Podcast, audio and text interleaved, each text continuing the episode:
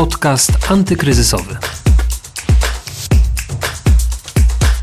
Justyna Smolińska, dzień dobry. W dzisiejszym podcaście antykryzysowym porozmawiamy o tym, czy Polska rzeczywiście jest cyfrowa, czyli będzie o stanie cyfryzacji polskiej gospodarki i firm rok po pandemii.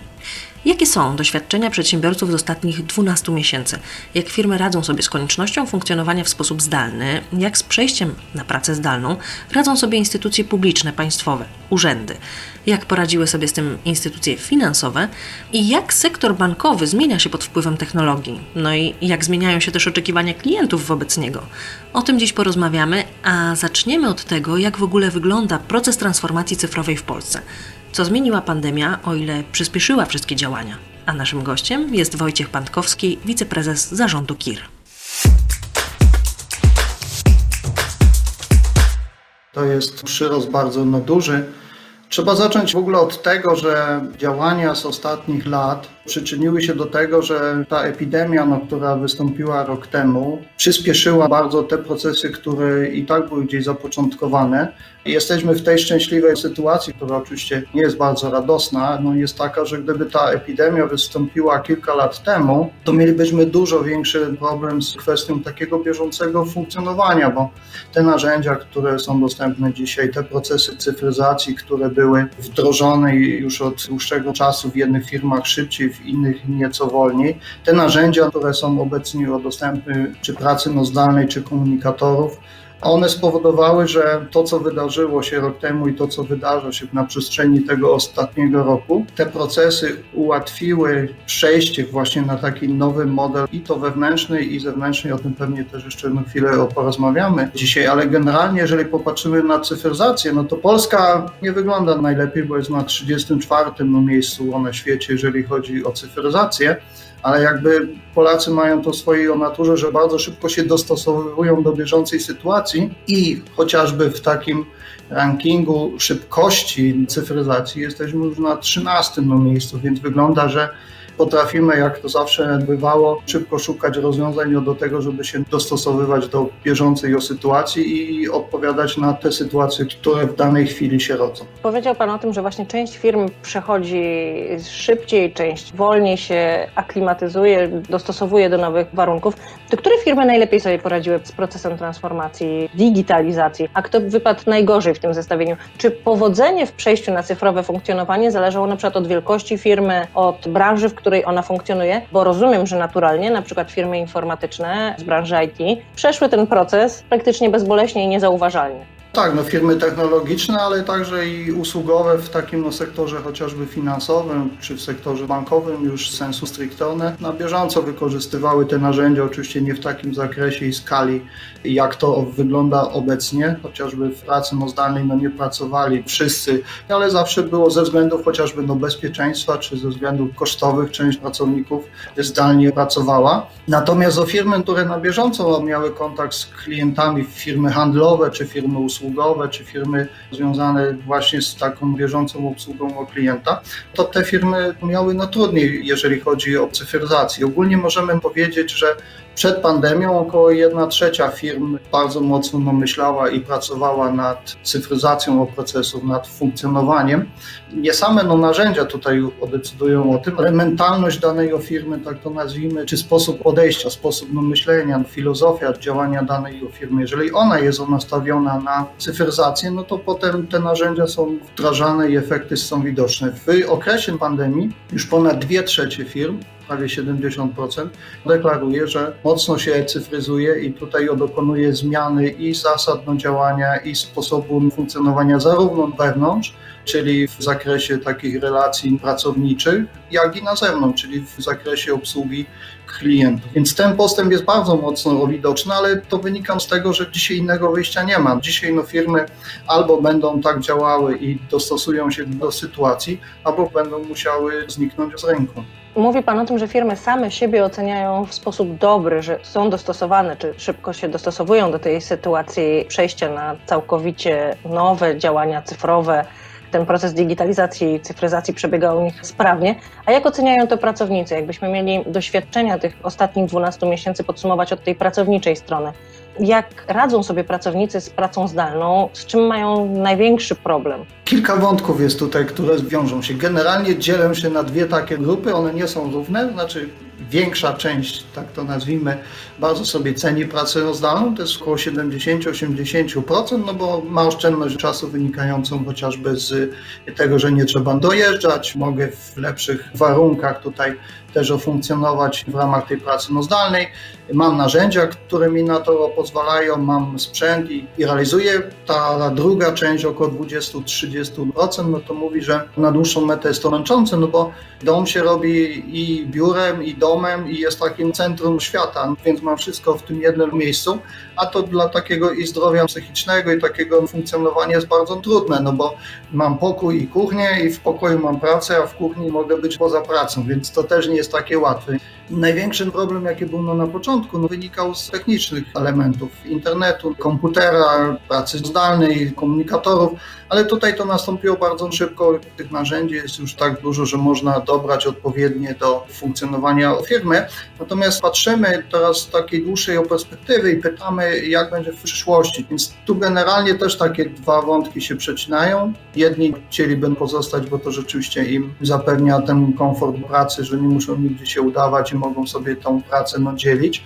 Jest część, która już no, zmęczona jest tą pracą i chciałaby trochę oderwać się od tych pieleszy domowych i pójść do takiej normalnej pracy, tak to nazwijmy i zakładamy i widzimy, że wraz z upływem czasu na pewno będzie to praca hybrydowa, czyli będzie pracą no zdalną, natomiast czy spotkania, które widać, że jednak są bardziej efektywne w zakresie ich rezultatów, jak są spotkaniami twarzą w twarz. Też ta dyskusja jest o taka, że czasami sobie przerywamy i na tej podstawie się rodzą jakieś tam nowe pomysły i jest emocja no, w tej dyskusji. W pracy online'owej no tak się nie da. Musi jedna osoba się wypowiedzieć, potem o druga osoba, bo jak zaczną sobie razem no, mówić, to nic z tego nie wyjdzie. I to jest efekt taki, że to pewnie będzie tak, że będzie to praca hybrydowa, człowiek też do dobrego się szybko oprzyzwyczaja. Natomiast no, nie jest to do końca takie efektywne i człowiek jako jednostka społeczna też chce czasami porozmawiać w takim gronie, nazwijmy to fizycznym, a nie tylko online'owym czy wirtualnym. To prawda, zwłaszcza też widzimy, zauważamy te problemy przy programach online właśnie, że nie ma tak żywej tej dyskusji przy debatach, na przykład jak miało to miejsce wcześniej. A jeżeli chodzi o to przejście firm na zdalne funkcjonowanie, przejście pracowników do pracy zdalnej, z czym te firmy miały największy problem? Czy właśnie z nauczeniem pracowników, z zapewnieniem im sprzętu, czy może potem raczej z, same firmy, nie tyle z pracownikami miały problem, co na przykład z elektronicznym obiegiem dokumentów i tutaj już był to wyższy poziom skomplikowania niż na przykład właśnie wysłanie pracowników do domu, danie im laptopów i powiedzenie, dobra, od dzisiaj pracujecie online, macie tu komunikator i koniec. Na pewno te problemy można podzielić na takie krótkoterminowe. Nastąpił no lockdown, więc trzeba było szybko zmienić charakter pracy na zdalną, bez papierów, z dostępem, gdzie zapewnić no, bezpieczeństwo. Zaczęło brakować laptopów. W tym krótkim terminie, tak myśleliśmy, no to tak się da wytrzymać przez tydzień, dwa, miesiąc, no pewnie dwa, a potem no, w jaki sposób to wróci do starej rzeczywistości. Natomiast tak nie jest i potem wchodzą te elementy związane właśnie z tym długoterminowym oddziaływaniem pracy, bo jednak jeżeli ktoś nie miał procesów cyfrowanych i głównie bazował na papierze, no to tydzień, dwa miesiące można wytrzymać, ale potem zaczyna tego brakować, no bo trzeba sięgać do tejże no, dokumentacji. Też o klienci zaczęli mniej korzystać z tych fizycznych form kontaktu, i zakupu produktów bądź usług na rzecz tych online'owych, więc w krótkim okresie czasu były to problemy takie no, natury bieżącej, właśnie rozwiązane z słabym internetem, z komputerem, z bezpieczeństwem, z brakiem no, systemu do pracy czy komunikatora, ale to w miarę szybko się dało opanować. Potem no, wchodzą te długoterminowe zagadnienia, które wymagają od danej firmy zmiany sposobu, filozofii działania, też i pewnej zmiany mentalności w tym działaniu, a to wymuszają no, nie tylko epidemia czy sytuacja taką, jaką my mamy, ale także klienci, gdyż firma, która czerpie korzyści z obsługi czy ze sprzedaży produktów klientom, no musi też dostosowywać się do tego, w jaki sposób klienci się zachowują i chcąc budować ich lojalność i ciągłe korzystanie z produktów, trzeba było no, wdrożyć elementy rozwiązane chociażby ze zdalną obsługą tych klientów. W przypadku bankowości czy usług finansowych pewnie jest to łatwiejsze. W przypadku produktów takich natury fizycznej trzeba było zmienić no, w ogóle sposób no, działania, czyli wejść w e-commerce, czyli sprzedaż przez internet z dostawą do domu. To też wiele firm bardzo szybko realizowało, bo w ciągu kilku tygodni potrafiło i uruchomić sklepy internetowe, i dostawę, stąd gigantyczne wzrosty, jeżeli chodzi o obsługę i sprzedaż przy użyciu kanałów ozdalnych. To zanim przejdziemy do tych instytucji finansowych, proszę powiedzieć, jak z przejściem na pracę zdalną radzą sobie instytucje publiczne, państwowe, jak sobie radzą urzędy? Czy one też przeszły ten proces bezboleśnie? Tutaj było trochę trudniej, powiedzmy, bo jest gro usług, które już były scyfryzowane. Jeżeli popatrzymy na posiadaczy profilu zaufanego, czyli dostępu do usług publicznych, no to prawie 10 milionów ma Polaków, czyli co trzeci Polak i kilkaset już usług jest dostępnych w tym zakresie. Z drugiej strony jest wiele usług czy elementów, które wymagały wizyty fizycznej w danym urzędzie i z tym jest bardzo trudno. Urzędy sobie różnie radziły, pracowały zdalnie, będąc w biurze o na przykład, czyli nie było bezpośredniego dostępu o klienta, albo była wydzielona strefa obsługi klienta, albo w inny sposób ten kontakt był zapewniony, a potem tylko domknięcie. Także na pewno, jeżeli chodzi o administrację publiczną można też podzielić na dwa trzy wątki. Ta administracja biurowa, no to tutaj było w miarę łatwo. Trudniej było na poziomie bieżącej obsługi o klientów, no bo tutaj rzeczywiście tych procesów, czy załatwiania przez internet, czy obsługi no, klientów internetowych, no nie było na, początku, ale w ciągu roku to sporo się zmieniło. No, zasługa narzędzi, które IKIR oferuje, czyli podpisów elektronicznych chociażby, czyli no, kwestii potwierdzania o tożsamości o klientów takiej o zdalnej no to są rozwiązania, które powodują to, że ci klienci nie muszą przychodzić do urzędu, żeby pewne rzeczy załatwić, a mogą z nich korzystać. Także przy udziale sektora finansowego, chociażby te programy wsparcia, obsługa ich, która właśnie no, bazuje no, na systemach bankowych i bankowości internetowej, pozwalała na to, że nie trzeba było korzystać z tej fizycznej obsługi, a wszystko można było zrobić elektronicznie. To przejdźmy do tych instytucji finansowych. Transformacja cyfrowa w bankach w Polsce rok po lockdownie. Jak ten sektor zmienił się pod wpływem technologii? Bo trochę już Pan o tym powiedział, ale jak też zmieniają się oczekiwania klientów wobec niego?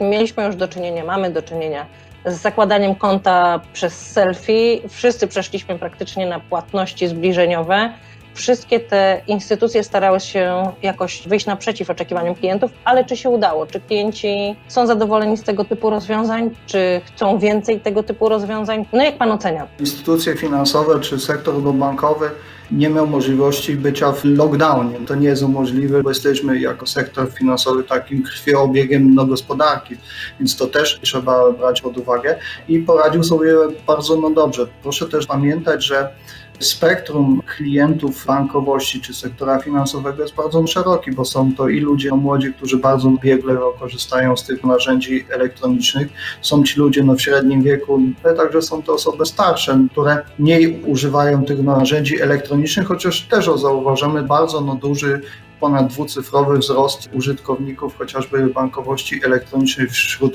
starszych. Sektor bankowy przez ten ostatni rok nie zamykał oddziałów, więc to była taka usługa, no, którą oferowały banki dla tych klientów, którzy no, nie mogli albo którzy no, no, nie chcieli korzystać z kanałów elektronicznych. Niemniej jednak te kanały elektroniczne rozwinęły się bardzo. No, powiedzmy, że prawie 20 milionów Polaków na co dzień korzysta z bankowości internetowej. Z tego 9 no, milionów to są ci, którzy bankują tylko przez komórkę, więc to jest naprawdę duża rzesza, która kojarzy bank bank z telefonem. Otwieranych jest ponad 70% rachunków zdalnie. Jesteśmy tutaj o co najmniej 20% bardziej zaawansowani, jeżeli chodzi o takie rozwiązania niż kraje zachodniej Europy.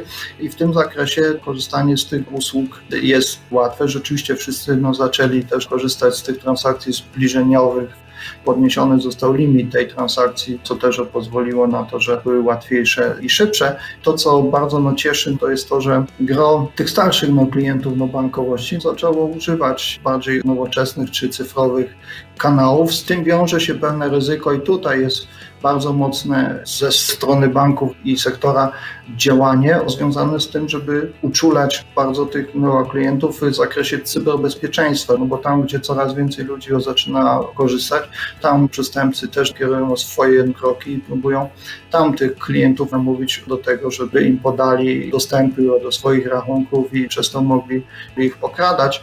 I stąd działania no, banków, szczególnie w stosunku do tych nowych grup, aby to bezpieczeństwo utrzymywać. My ze swojej strony też wdrożyliśmy pewne rozwiązania, na przykład produkt M-Shafir, który służy podpisywaniu w aplikacji.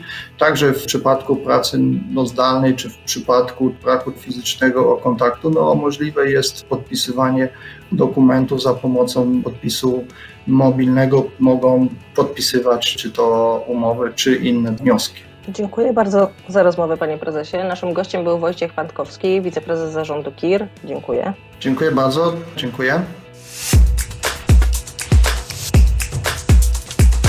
W dzisiejszym podcaście antykryzysowym to już wszystko. Zapraszam na kolejne odcinki. Wszystkie rozmowy znajdziecie oczywiście na stronie Pulsu Biznesu i w aplikacjach podcastowych. Justyna Smolińska, do usłyszenia. Podcast antykryzysowy.